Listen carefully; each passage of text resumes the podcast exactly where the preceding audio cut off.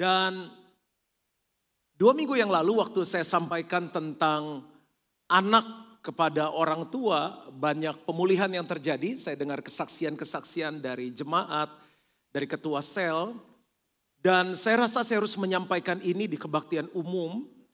Tadinya saya mau bawakan di kebaktian senior. Anyway, kebaktian senior kemarin begitu luar biasa. Banyak senior-senior yang hadir. Dan saya pun memposisikan diri saya sebagai orang tua karena saya sudah mempunyai anak. Jadi buka hati kita, jangan pasang benteng supaya firman Tuhan ini bisa masuk ke hati kita dan kita akan melihat kebahagiaan keluarga kita seumur hidup kita. Berapa banyak yang hadir di sini adalah orang tua? Oke, berapa banyak yang akan menjadi orang tua? Maksudnya akan menikah suatu saat dan menjadi orang tua. Oke, kita lihat sebentar klip yang berikut ini. 嗯，特别不好，我觉得他总是喜欢拿袖子擦嘴巴。啊，那他就是不肯吃饭啊，什么青菜他都不爱吃，一天啊要哭五六次。我说你耳朵是不是没了？他说我耳朵在这儿，在这儿，就在就在这儿。我说你怎么听不见啊？他说我耳朵塞住了。 我有时候真的很生气，你知道吗？真的很生气，他不听我的话的时候很生气的。嗯，我给他七分吧，五分，那有八分，我打八分，七分吧。八分。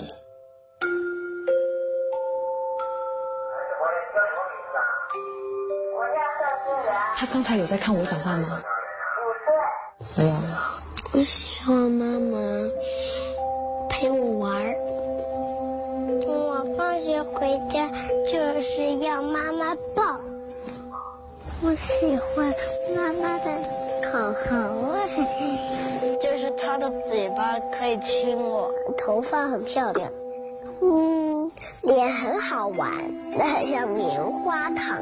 妈妈烧饭给我吃很辛苦。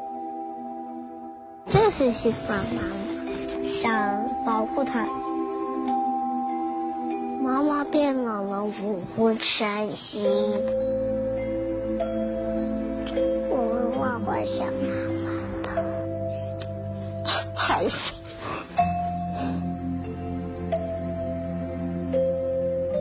十分是满分的话，我给妈妈十分。十分，十分，打一万分。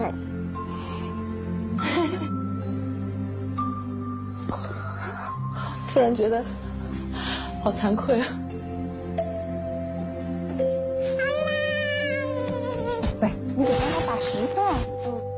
妈，我亲亲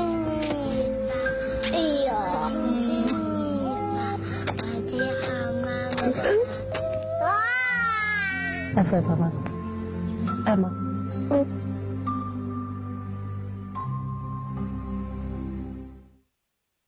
Saya mau tanya berapa banyak Bapak Ibu yang lantai satu, lantai tiga, dan kita semua yang mau melihat kebagian rumah tangga kita seumur hidup kita. Wow, kalau kita lihat anak kita ada yang dua, ada yang empat, ada yang sebelas, kita kasih nilai berapa untuk anak kita? Habis nonton film 10. Anak-anak, berapa nilai yang kita kasih untuk orang tua kita? Katakan sejujurnya, jangan ada dusta di antara kita. Sesuatu yang kita nilai tinggi, kita akan perhatikan secara khusus. Kita kasih perawatan yang ekstra, kita korbankan banyak hal untuk memperoleh ini. Kita kejar mobil yang mahal, rumah yang bagus, tas yang mahal yang bagus. Dan waktu kita dapat kita rawat baik-baik karena nilainya tinggi. Kenapa ada anak yang sulit menghormati orang tua karena mereka nggak memberikan nilai yang tinggi kepada orang tua. Kenapa banyak orang tua menyia-nyiakan anak, nggak memperlakukan seperti seharusnya, karena mereka memberikan nilai yang lebih tinggi kepada bisnis, kepada karir, kepada pelayanan, lebih tinggi daripada kepada anaknya. Sehingga nilai yang tinggi itu membuat kita memberikan perhatian yang lebih ekstra. Dan judul khotbah saya hari ini adalah melihat kebahagiaan keluargamu sumur hidupmu. Coba kita lihat sebentar beberapa ayat. Kita akan belajar banyak firman, nonton banyak video, and enjoy. Efesus 6 ayat yang keempat. Dan kamu bapak-bapak, ibu-ibu saya minta maaf bukan gak mau hormat, saya cari ibu-ibu sedikit. Ini masalah dengan bapak-bapak nih. Bapak-bapak mesti bangga dong. One, two, three. Ah, bapak-bapak, oke kita senang dulu di depan. Bapak-bapak. Janganlah bangkitkan amarah dalam hati anak-anakmu. Di sini sih nggak ada ya. Marah. Lewat tindakan, lewat sikap, lewat perkataan, buat anak-anak marah. Tetapi didiklah mereka. Ada kata apa? Didik. Di dalam apa? Ajaran.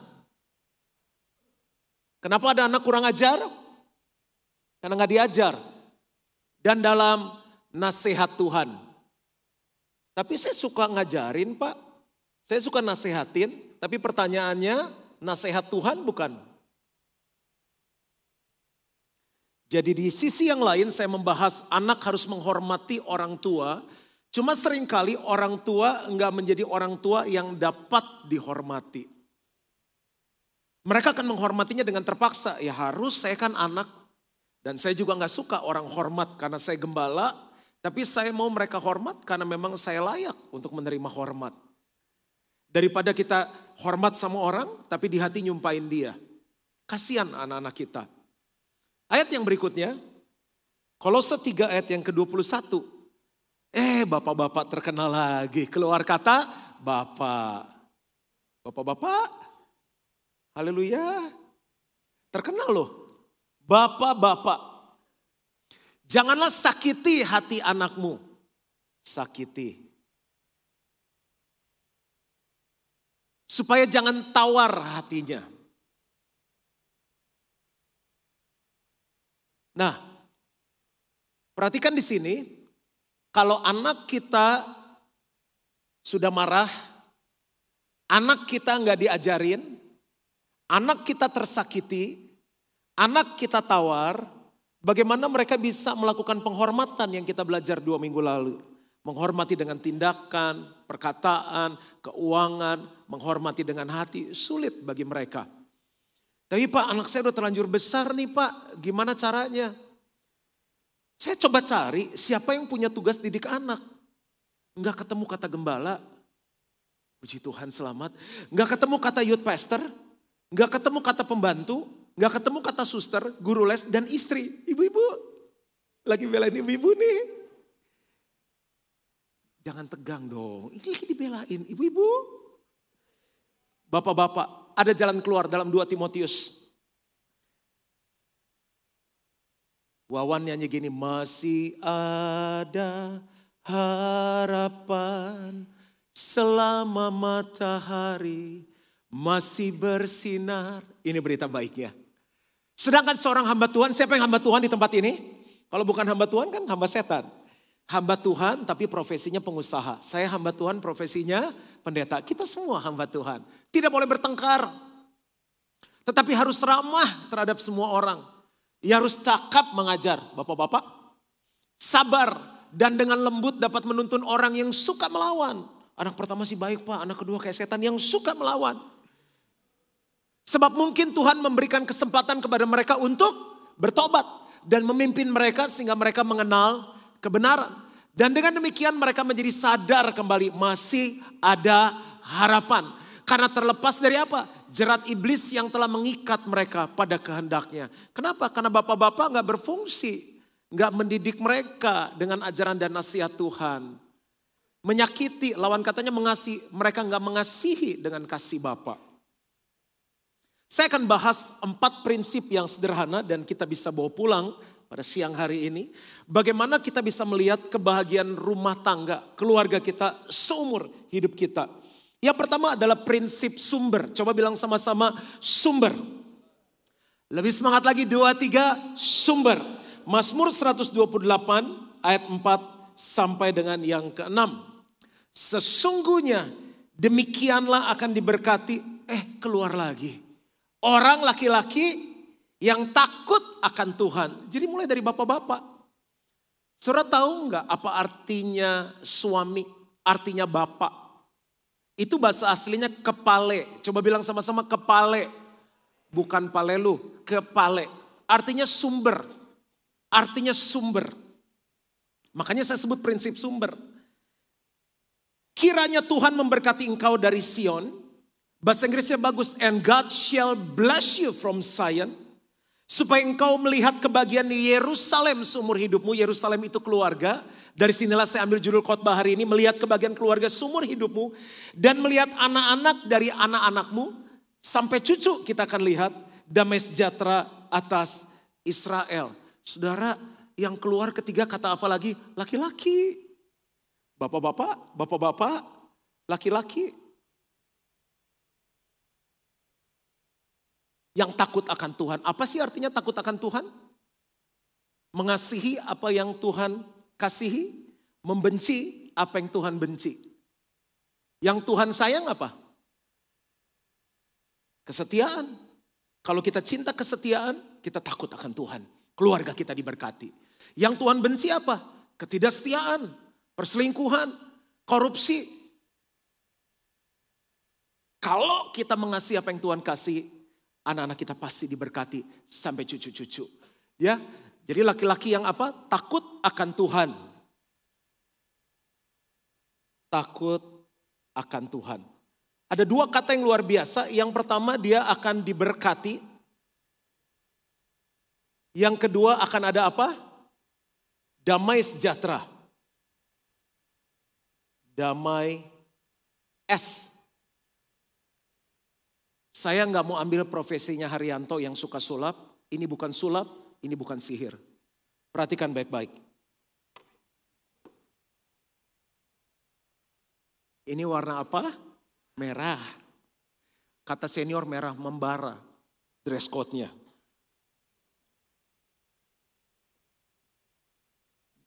Ini sumber, suami, bapak-bapak.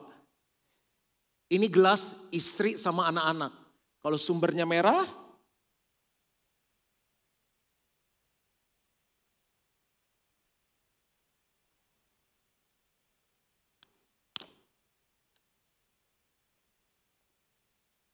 Kalau suaminya kuning,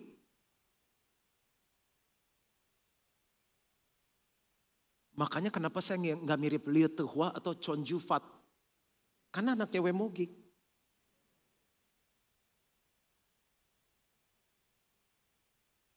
Kuning,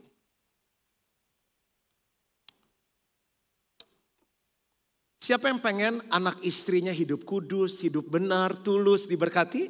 Sumbernya harus bersih. Mau suruh pendeta tumpang tangan, tumpang kaki juga nggak bisa. Sumber.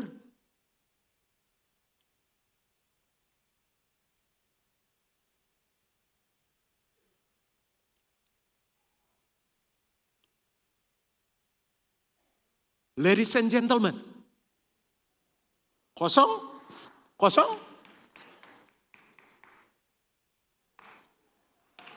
Enggak, enggak harus tepuk tangan, saya memang cuma post. Mau difoto soalnya. Simple. Nggak ada curang-curangan. Tuhan sesimpel itu. Boleh cek toko sebelah. Biar jumlah penontonnya di atas 3 juta. Harta yang paling berharga adalah... Ah, ini yang udah nonton. Nonton, yang belum nonton nonton, bagus filmnya, cek toko sebelah. Saya sih nggak kenal. Sampai mana tadi ya? Diberkatilah laki-laki yang takut akan Tuhan.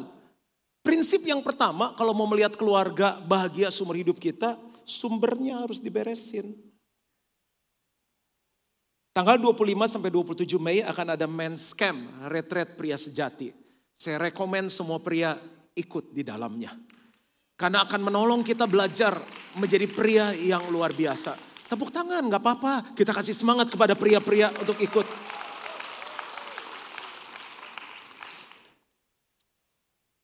Apa kurang pak? Saya kasih anak saya rumah, saya kasih mobil, kasih kredit card, no limit. kasih jam tangan, kasih dompet. Apa kurang pak? Tapi terbukti kan gak bisa buat anak kita bahagia. Yang Tuhan mau, didik anakmu dengan ajaran dan nasihat Tuhan. Tuhan gak bilang kasih Rolex, kasih Mercy, enggak. Didik dengan ajaran nasihat Tuhan. Bukan tugas suster, bukan tugas mbak, bukan tugas guru sekolah minggu, bukan tugas pendeta, Bapak. Jangan sakiti supaya tawar hatinya. Dan sumber harus benar. Dia kan gak tahu pak saya di luar gimana. Spirit itu ada, alam roh itu ada. Kita lihat film berikut ini.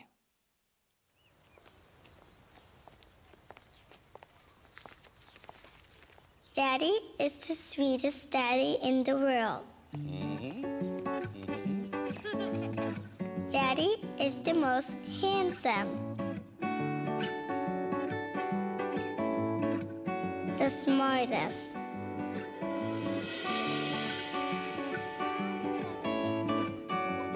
The most clever. The kindest.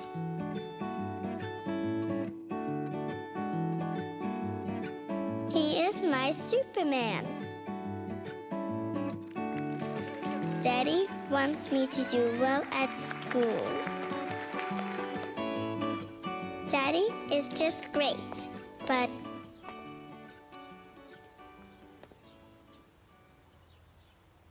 he lies.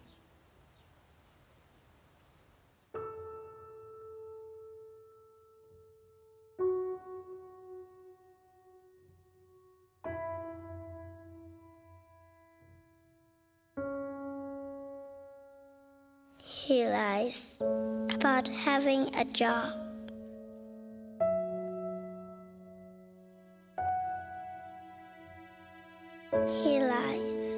About having money.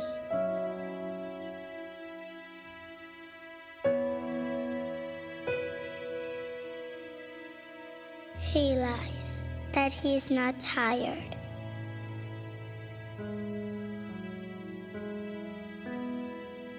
He lies that he is not hungry. He lies that we have everything. He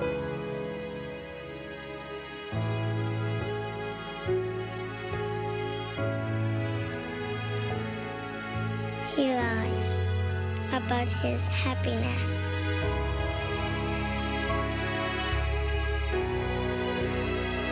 He lies because of me.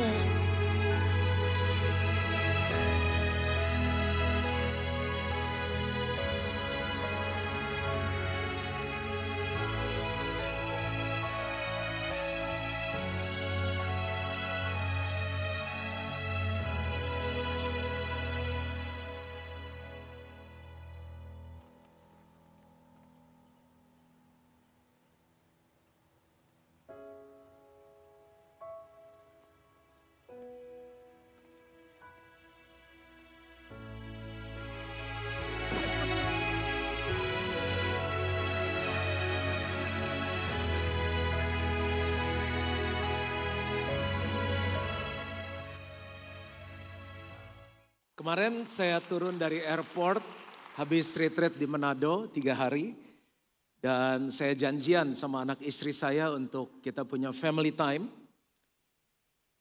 Saya tanya dia mau makan apa, dia ganti beberapa pilihan sampai akhirnya dia pilih satu restoran. Habis makan kita temukan bahwa restoran itu kurang oke, okay, perut kurang maksimal, lalu kita nonton Lego Batman. Setelah selesai Lego Batman, kok saya lapar, tapi anak saya bilang ini, Dad, mau beli es krim. Jadi dia pergi ke toko es krim, saya temenin, bayar, dia minta rasa apa yang dia mau. Lalu saya tuh pengen makan bakmi. Saya lihat kok ada bakmi yang menarik. Di waktu yang lalu saya pergi ke sana. Jadi sebelum saya belikan es krim, saya tanya, Ica mau bakmi atau es krim? Es krim. Istri saya pergi ke ATM, saya pergi ke food court untuk makan bakmi. Dan saya tanya Ica kok nggak bagi Dedi, dia ketawa-ketawa, dia makan es krim. Waktu saya mau bayar dia bilang begini, Dad, ini es krim kayaknya kurang enak, Dad. Oh ya? Gimana kalau kita buang aja? Dia bilang jangan sayang nanti dia dimakan aja. Kenapa nggak enaknya? Rasanya beda. Kalian dia yang pilih es krim itu. Dan waktu saya mau balik ke counter untuk tuker bon dengan Bami, dia bilang ini, Dad, Ica sih pengen Bami, Dad. Jadi oke, okay, saya malas nganti lagi kita share aja bagi dua. Maminya datang beli siomay, dia lari samperin maminya dia cerita. Jadi kan bilang es krim tapi aku pengen bakmi katanya. Dia ngomong gimana mamanya. Waktu makan, saya cerita sama istri saya, Lus Ica nih tadi ditawarin bakmi dia maunya es krim. Setelah lihat bakminya enak dia bilang es krimnya nggak enak. Istri saya ketawa dia bilang begini, mirip sama papanya. Cuma mau jelasin prinsip sumber aja yang tadi. Jadi saya harus cerita cerita keluarga saya. Yang kedua adalah prinsip proses. Coba bilang sama-sama proses. Berapa banyak jemaat Gilgal yang suka proses? Kalau Bapak Ibu ada di jemaat ini, Tuhan kasih visi di jemaat ini menjadi jemaat yang kuat. Nggak mungkin kuat tanpa proses. Mazmur 127 ayat 3 sampai 5. Mau lihat kebahagiaan keluarga seumur hidup kita, jangan takut dengan kata proses. Proses tanggung jawab kita proses bukan milik orang lain. Sesungguhnya anak laki-laki adalah milik pusaka daripada Tuhan. Saya baca bahasa Inggrisnya hadiah, warisan. Saudara bayangin kalau Tuhan sampai kasih warisan dan kita sia-siakan. Dan buah kandungan adalah suatu upah, gift from the Lord. Kita minggu lalu belajar tentang generous seed. Jangan kasih apa yang sendiri kita nggak suka kalau dikasih itu. Seperti anak-anak panah di tangan pahlawan, Demikianlah anak-anak pada masa muda. Berbahagialah. Kan judulnya melihat kebahagiaan keluarga seumur hidupmu. Berbahagialah orang yang telah membuat penuh tabung panahnya. Bahasa Inggrisnya gini, happy the man. Berbahagialah pria-pria yang telah membuat penuh tabung panahnya. Bukan account di banknya.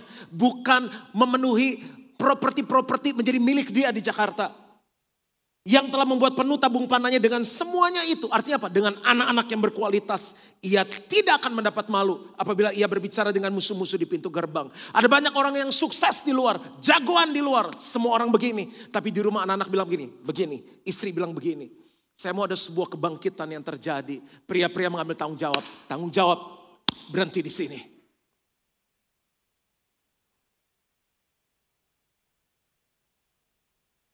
anak-anak seperti anak panah di tangan pahlawan.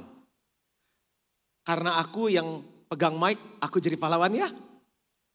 Saya lagi persiapan, saya teringat anak saya punya mainan ini jadi saya pinjam. So my name is Robin Hood. Rambut nggak boleh rusak.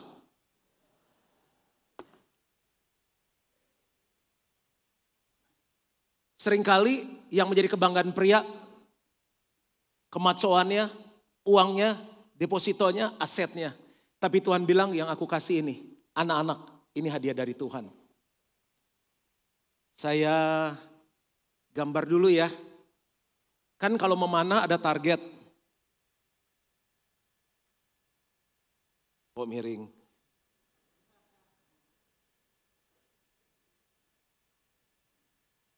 Oke. Yang paling bagus itu kalau mana target ini kan. Tapi banyak anak-anak kita, kalau ini saya anggap ini janji Tuhan, penggenapan Tuhan, hidup benar. Banyak anak-anak kita meleset. Ada yang anak-anaknya jadi sombong, jadi angkuh. Ada anak-anaknya jadi anak-anak yang miskin, gagal. Di ngomongin sama orang tuanya, moyung ya. Bener. Lu gak ada harapan lu. Gue nyesel lahirin lu. Setan misalnya. Atau miring-miring anaknya. Ada anak-anak kita miring. Jadi sukanya cowok. Yang kita mau kan di sini nih. Keluarga bahagia, sekolah benar, bisnis benar. Kuncinya ada di mana kata firman Tuhan? Di pria. Ini saya khotbah pedang bermata dua nih.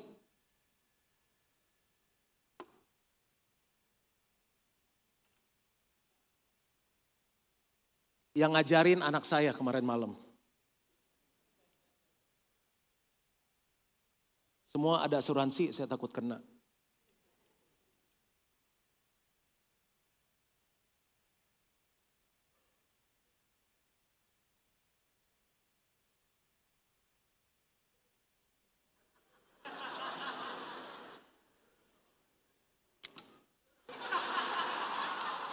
Anak pertama normal lah ya kan? Anak pertama belum pengalaman.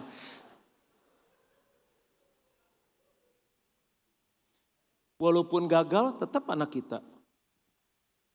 Masa dibuang? Saudara, kenapa saya spend time kelihatannya seperti main-main, tapi kita akan belajar sesuatu dari sini. Anak kita sekarang jadi apa? Karena bapaknya pegang peranan.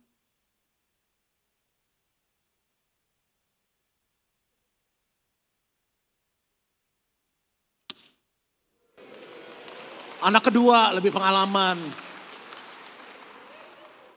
Kawinin.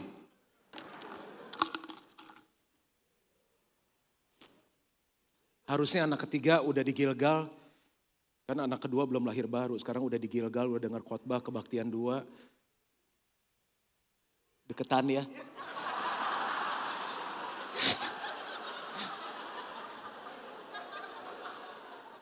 Kan emang kita tambah dekat sama Tuhan, begitu artinya.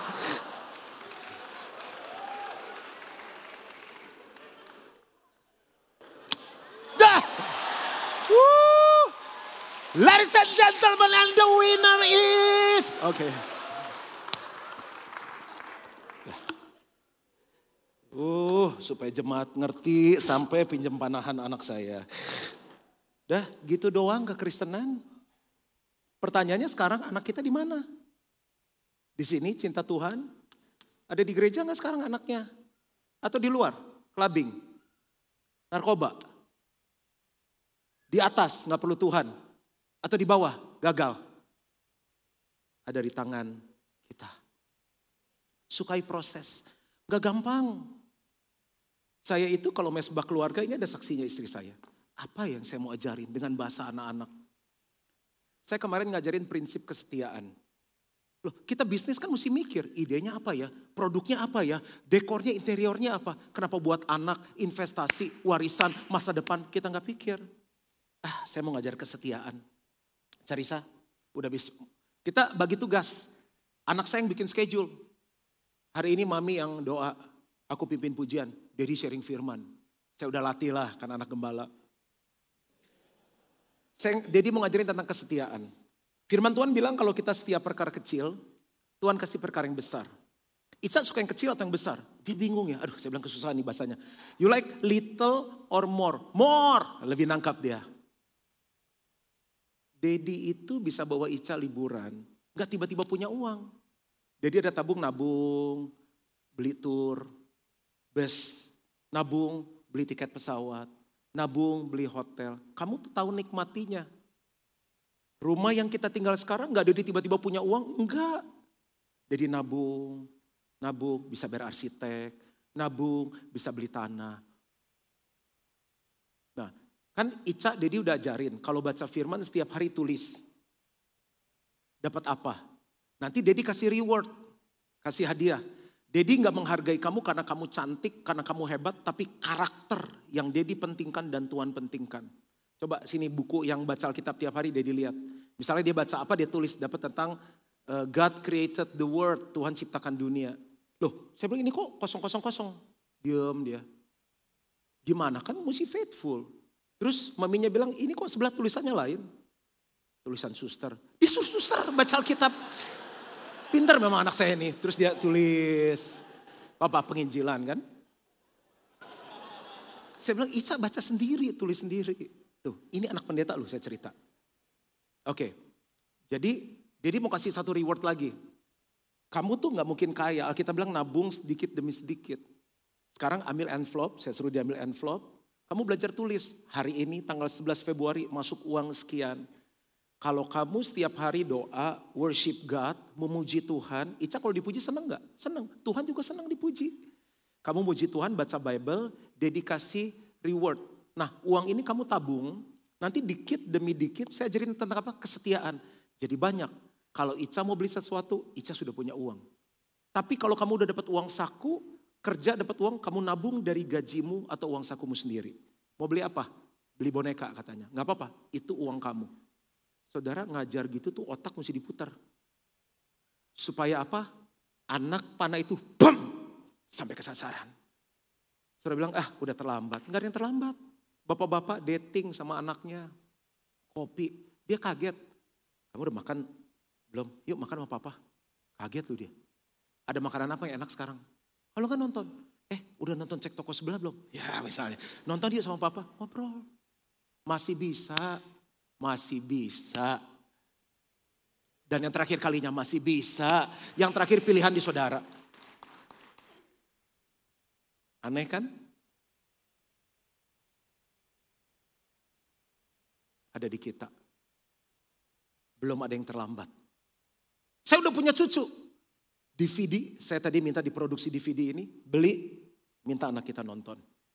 Mau sekolahnya di international school, tapi kalau bapaknya nggak berfungsi, nggak bisa.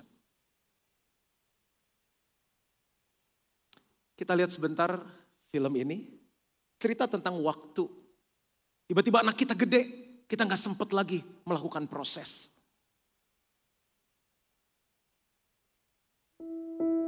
ผมอยากมีเวลามากกว่านี้ Saya ingin waktu lebih lagi, เวลาที่จะบอกลูกผมว่า waktu untuk bilang sama anak saya bahwa saya sayang sama dia lebih dari segalanya.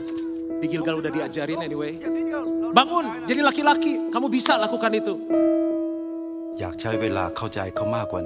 Waktu untuk mengerti dia lebih baik lagi. Bohong. Saya lihat kamu main sama teman-teman pemusik.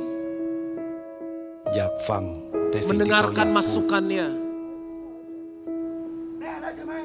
Bener kan gitu? Pergi. Yakui. Untuk bicara dengan ya, dia. Mendengarkan lagu-lagunya. Ya kotor. Untuk bilang saya minta maaf.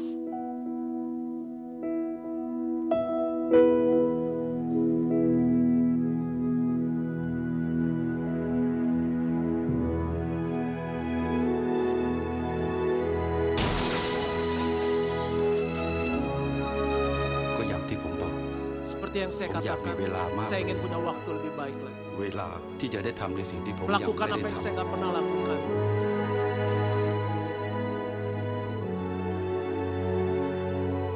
ำเวลาที่จะรัก Untuk memperhatikan Lihat dia dulu lebih ya, baik kemampuan lagi. ini. Untuk mengasihi dia lebih lagi. Bapak Ibu, di tengah jadwal saya yang padat, orang nggak bisa ngerti kalau saya ambil holiday. Kemarin saya diajak ngomong istri saya gak ngawur-ngawur karena saya tidur cuma tiga jam. Saya flight setengah empat saya turun ke airport Manado ke Jakarta untuk saya punya quality time dengan anak saya. Itu ngajar enam sesi kan gak gampang, pembicara tunggal. Tapi saya bilang gini pelayanan akan terus ada. Tender, project akan terus ada. Promosi akan terus ada untuk orang-orang laki-laki yang takut akan Tuhan. Tapi anak gak selalu ada. Kita mau berapa banyak sih? Malah sekarang makan diukur-ukur. Jangan banyak gorengan, jangan banyak ini. Semakin tua malah harus semakin makan yang sehat.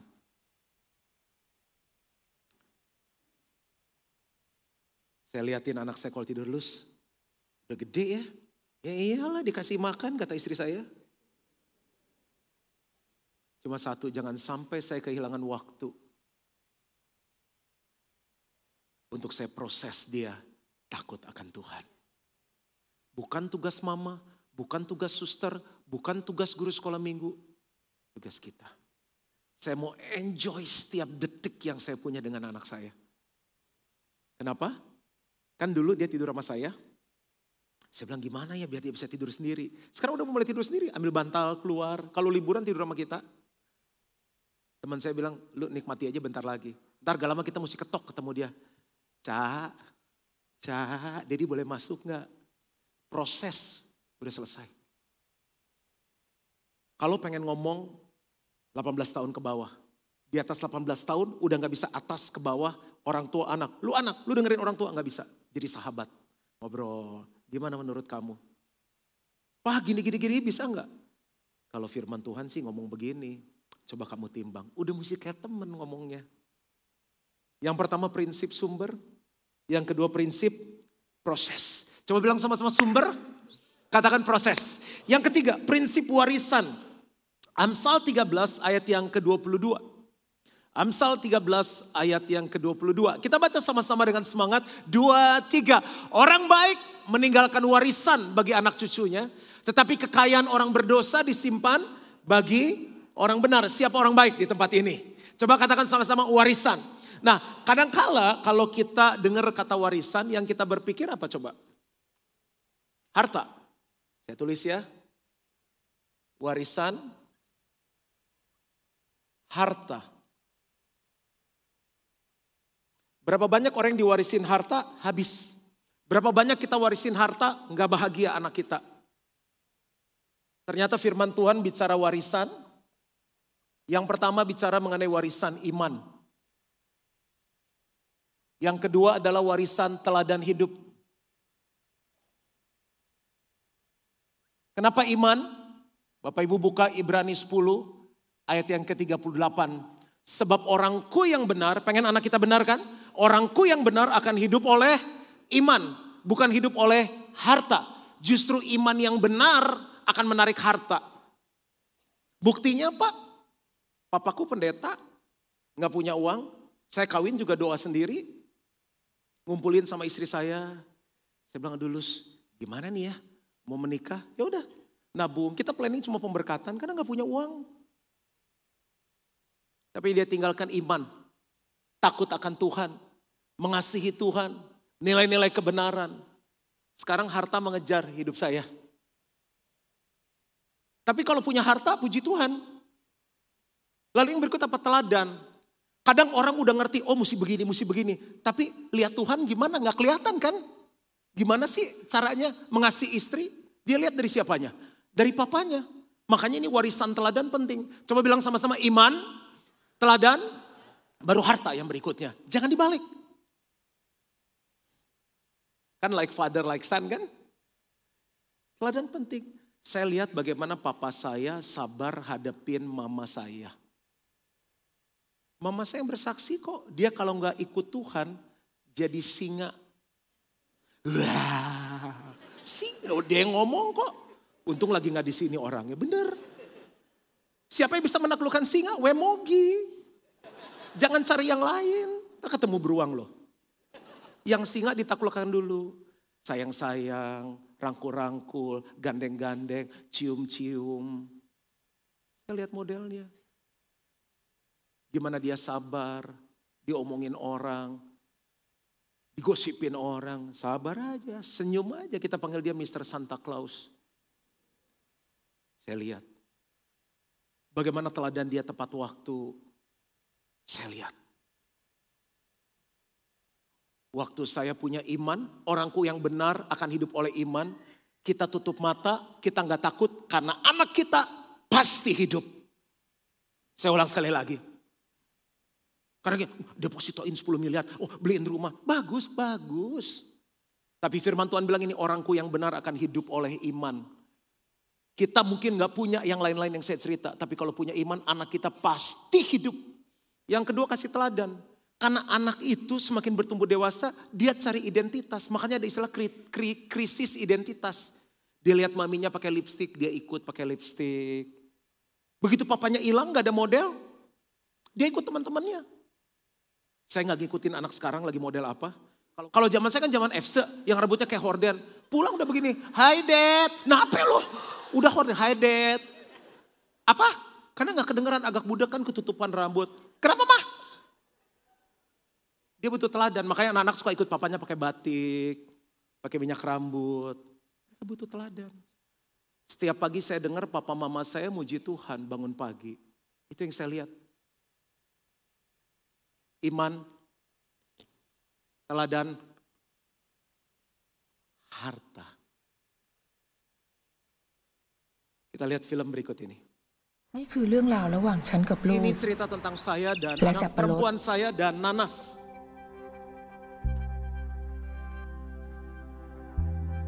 ฉันไม่ได้เรียนหนังสื Saya อ nggak sekolah, ไม่รู้ว่าต้องพูด saya nggak tahu apa yang harus Tong saya soal ngomongin. baik-baik. Saya ingin ngajar anak wanita saya.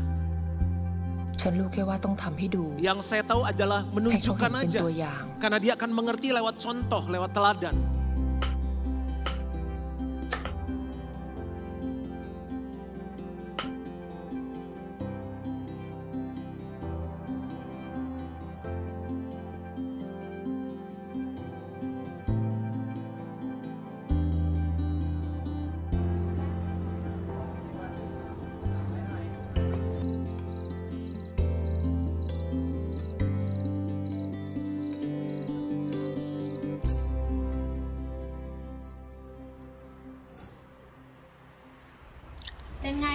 di mana rasanya lebih enak dari es krim kan? Iya mah, rasanya enak. Mungkin kita harus jual. Kaget mamanya.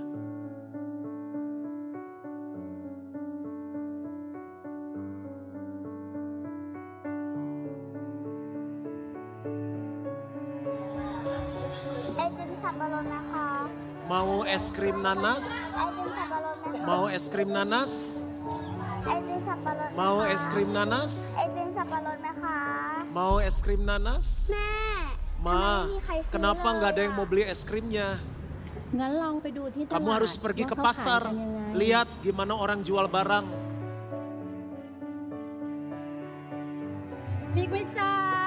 Mau sam cabe lima bat lima bat satu kantong, babi empuk panggang ada babi. Cabe lima bat satu kantong,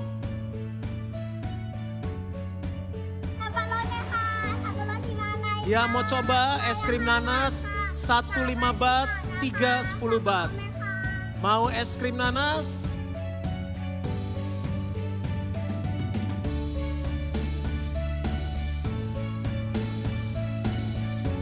Wah, pakai iklan sekarang ditempel. Menyegarkan es krim nanas.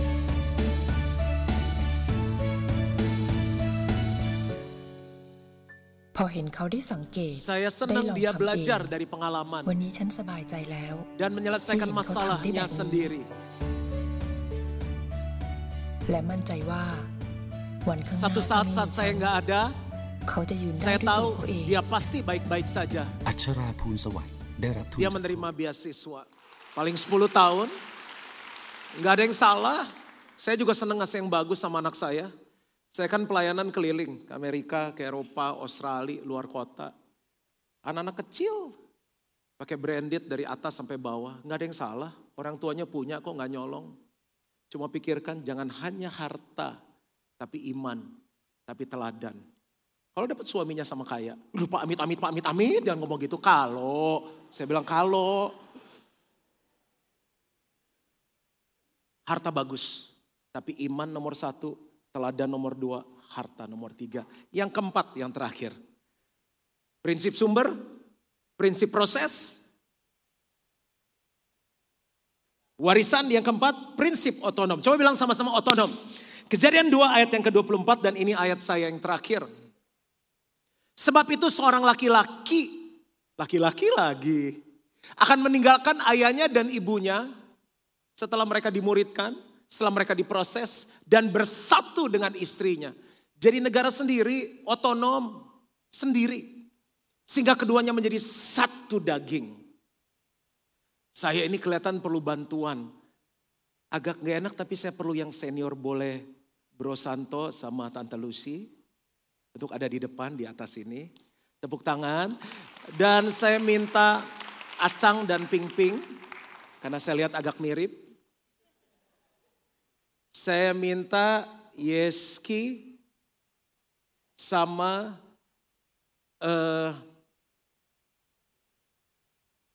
Haris boleh.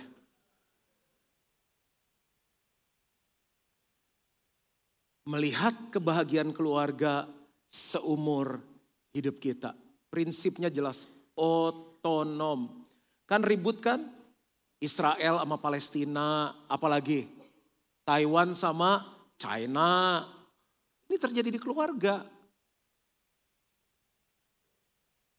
Ya, eh, boleh ke tengah lagi? Perhatikan baik-baik. Om, tante di sini boleh agak bisa nggak tuh? Om dijaga takut hilang, digandeng terus. Yeski sama ya. Lalu mereka pasangan yang berbahagia memiliki anak namanya Acang. Acang tolong di tengah jadi anak. Ya agak rapat sedikit.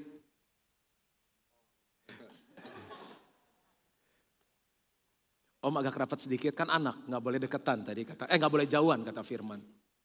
Aku jadi Tuhan kan? Tidak baik kalau manusia itu seorang diri saja. Akhirnya dikasihlah ping ping, sini ping, masih di sini dulu, ping ping di sini. Perhatikan baik-baik. Kalau udah rela, Om rela nggak Acang jadi suaminya ping ping? Rela ya emang udah suami istri, oke. Ya, jadi satu. Ah ini bagus nih keluarganya karena cap langsung dekat lagi. Karena ada yang udah jauh susah dekat. Dikaruniai anak dua. Yeski yang makannya banyak di tengah sini. Sama kayak pastor. Sama Haris yang susah makan. Ayo di sini. Boros, hemat. Gak apa-apa tante posisinya gini aja. Nah berkeluarga ini gak gampang. Siapa yang setuju bahwa gedein anak dengan cara yang benar gak gampang? Biaya banyak. Ke dokter gizi, diet, personal trainer, ya kan? Paling gak ini minyak ikan. Minyak ikan, minyak babi, kan pengen gemuk biar sama. Ntar kira gak dirawat. Les Inggris, mat, violin, berenang. Sampai anak-anak ke YouTube mukanya stres, wah. Hari Sabtu minggu les. Les komputer, les apa aja les. Pulang gereja, cepetan, cepetan pendeta, ada les anak saya, les. Belum suami istri. Makanya Tuhan bilang gini, yang ini gak boleh ganggu yang ini. Karena ini udah otonom. Mereka bukan hanya ngurus dua anak ini yang gak gampang. Satu saat anak ini juga akan menikah lagi. Ya kan? Papa mamanya bagus, langsung bersatu. Ini canggung. Karena biasa mamanya lebih fokus ke anak, nggak ngurus suami. Ini contoh aja, Ping. Ini gambaran keluarga. Oke, kita foto dulu keluarga Cemara. Foto dulu.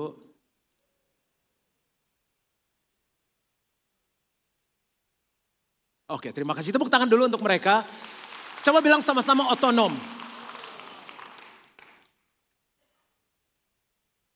Untuk jaga suami istri tetap satu aja nggak gampang. Apalagi punya anak. Makanya, makanya jangan campur anak. Ada tiga hal yang jangan dilakukan oleh orang tua supaya anak bisa respect sama kita. Dan saya akan selesai di sini. Di mana ya? Ada tempat lagi? Di sini deh.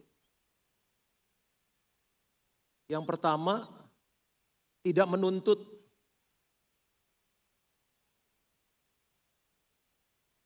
Yang kedua, tidak mencampuri. Ini prinsip. Yang ketiga, tidak membebani. Karena mereka sendiri sudah berat.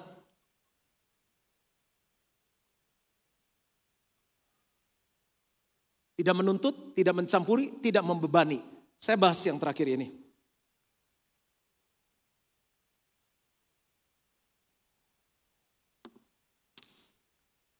Papa mama mau kamu jadi pendeta.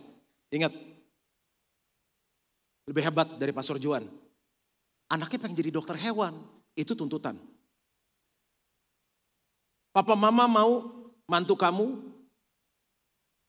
kaya. Ngerti? Ganteng. Perbaiki keturunan. Itu tuntutan. Kan cari yang ganteng udah susah kayak gini. Jadi mantu tuh harus begini. Kalau mau jadi masuk ke keluarga om tante. Papa mama mau kamu punya anak laki-laki. Tapi ini udah empat cewek lagi. Papa mama mau, saya ini nggak ngarang loh. Ini dari cerita sehari-hari. Papa mama mau kamu tuh hormat. Papa mama datang ajarin anak semua berdiri. Biru kali darahnya. Papa mama mau kamu umur segini baru kawin. Berapa? Di atas 30. Anaknya konseling sama saya, nggak tahan pak, nggak tahan pak. Ya sabar, sabar. Kalau orang tua nggak tanda tangan gimana saya mau berkatin kamu? Akhirnya karena kelamaan kan, udah hampir hmm, ngambil busuk kayak kelamaan, terus nggak laku. Kok nggak kawin-kawin sih? Mau kawin, bilang genit, udah kelamaan, kok nggak laku. Kalau penghasilan kamu udah 100 juta, ya coba aja sekarang kerja cari 100 juta.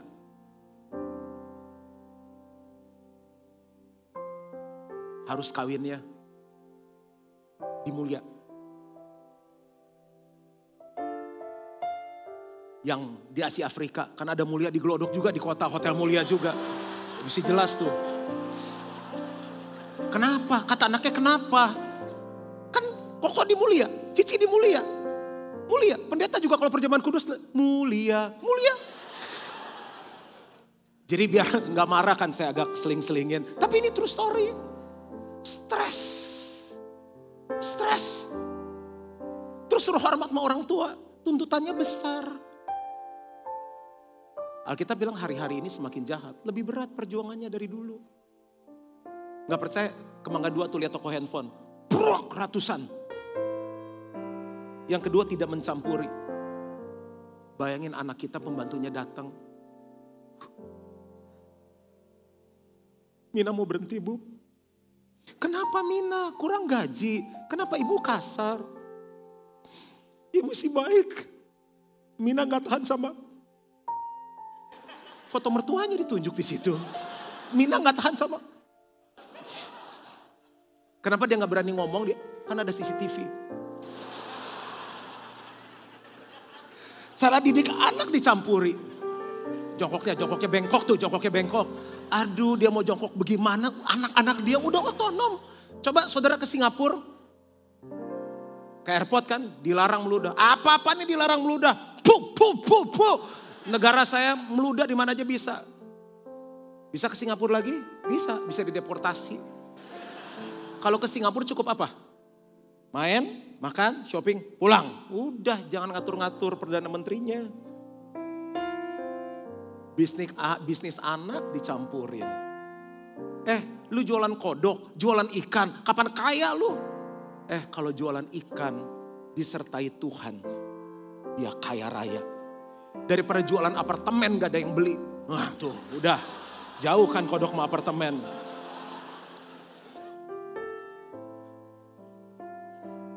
Telepon kan, diangkat pembantu. Ibu mana? Masih tidur. Apa?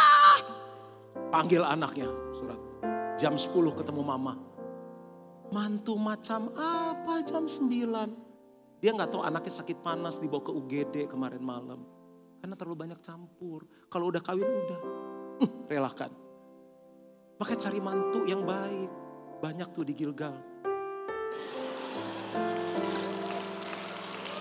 Dah. Yang terakhir, tidak membebani.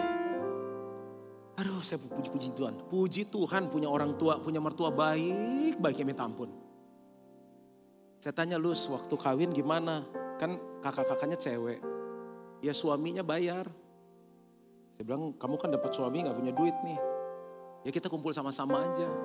Tanya deh papa kamu, mumpung belum disetujui. Saya bilang, udah tanya boleh. Diwakilin sama kakak yang ada di Jakarta. Terserah. Mau gaya apa, mau cara apa, yang penting bahagia. Tuh, aduh cari mertua di mana lagi baik kayak begitu. Ini kalau mertua saya dengar pasti dia nangis. Mertua kita nggak pernah minta duit. Papa mama saya nggak pernah minta duit. Bukan berarti saya udah ajarin anak harus hormati orang tua. Gak pernah nentuin sebulan harus store berapa. Kasih angpau ya, gak pernah. Terserah. Saya masih ingat awal-awal kawin gak punya duit. Bawa berobat. Pergi makan datang. Saya bilang kenapa papa saya begini ke toko kan. Kita mau bayarin dia belanja. Enggak, enggak, enggak. enggak. Mau makan, dia bayar. Jangan, jangan, jangan. Pak, saya terakhir, jangan. Dia tahu kali mantunya masih kere. Jadi saya bilang ini orang peka juga ya. Malah kita pengen memberkati. Sekarang udah beda ya. Kita makan dibayarin sedang thank you ya papa dibayarin. Beliin barang dia senang. Dia udah ngerti. Ada orang tua yang bilang sebulan harus kasih sekian ya. Harus ajak papa makan ya. Jadi keharusan bukan lahir dari hati. Kok ngasih cuma segini? Gak naik tahun 2017. Ada lagi yang udah tua masih nakal. Proyek apalah iseng, karena udah gak setajam dulu. Akhirnya hutang. pinjem, anak yang mesti beresin. Belum lagi yang genit, ternak istri tiga di luar. Terus meninggal. Harusnya normal nangis satu kan. Saya kenapa pergi? Jangan suka nanya loh kalau orang meninggal.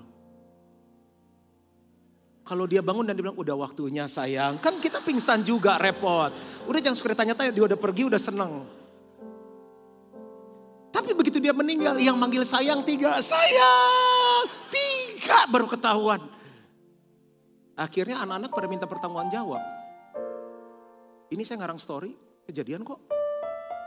Bayangin nggak? Dia bilang kalau saya bukan anak Tuhan, saya harus anggap dia adik sendiri. Bayarin sekolahnya. Gimana mau hormat sama orang tua? Terakhir, gaya hidup yang sembarangan. Saudara, ada orang yang memang dia udah simpan banyak untuk tua. Tapi nggak semua bisa seperti itu kan. Ada yang hidup dari pensiun. Ada orang yang gaya hidupnya nggak berubah. Pokoknya nggak bisa turun dari Mercy, pantat papa gatel. Loh, kan harga Mercy dulu sekarang harga kijang. Papa saya, kijang aja cukup. Terhormat kok. Nggak ada yang salah dengan itu, tapi kasihan yang ngebiayainnya. Kalau sanggup silahkan. Tidak menuntut, tidak mencampuri, tidak membebani.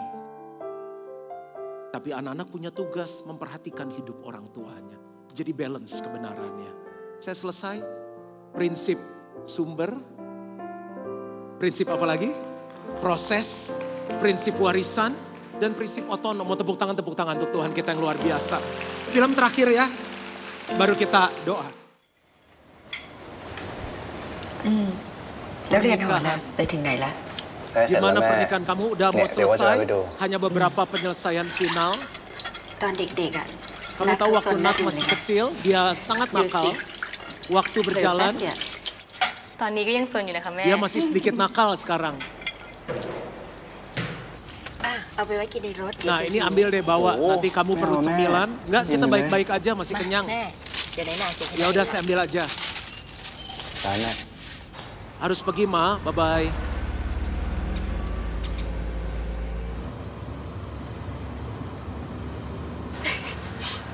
Alhamdulillah. Apa yang lucu? ตอนเด็กๆอ่ะ Katanya Aduh, ada bener, benih hati kok. biji yang pernah nyangkut di Heboh. tenggorokan waktu kamu kecil. Siapa yang cerita? Nah dikasih diari mamanya.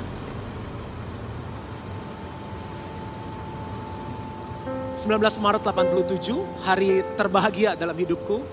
Beratnya di bawah rata-rata tapi oke karena dia punya saya. Dia nggak mau makan, saya harus ngapain ya? 4 September 93, umur 6 tahun. Anak saya pertama kali minum dari susu kotak.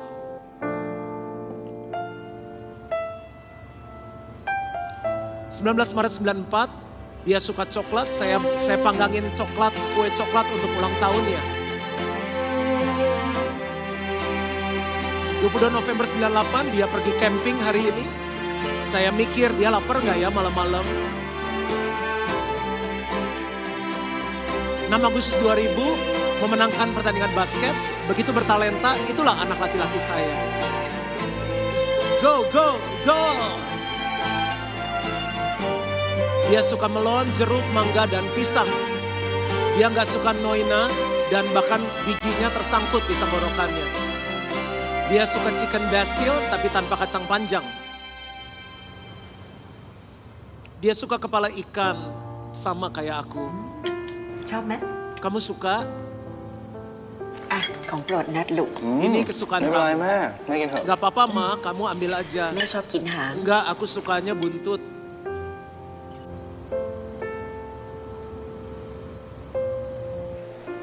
Nói nà Tolong jaga Mẹ phạt lúc baik-baik saya đây nè. anak saya.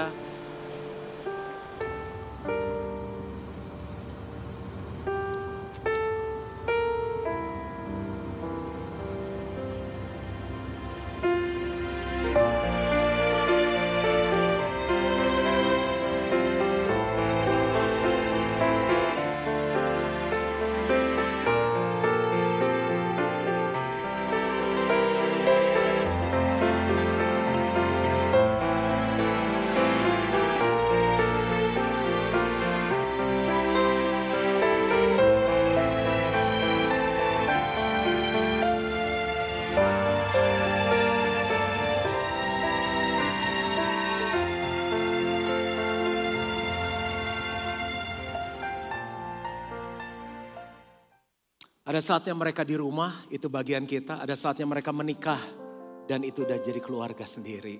Nggak boleh campur apa-apa, percayakan sama Tuhan. Karena orang yang benar akan hidup oleh imannya. Mari bangkit berdiri sama-sama. Berapa banyak yang belajar sesuatu siang hari ini boleh kasih tepuk tangan untuk Tuhan kita yang luar biasa.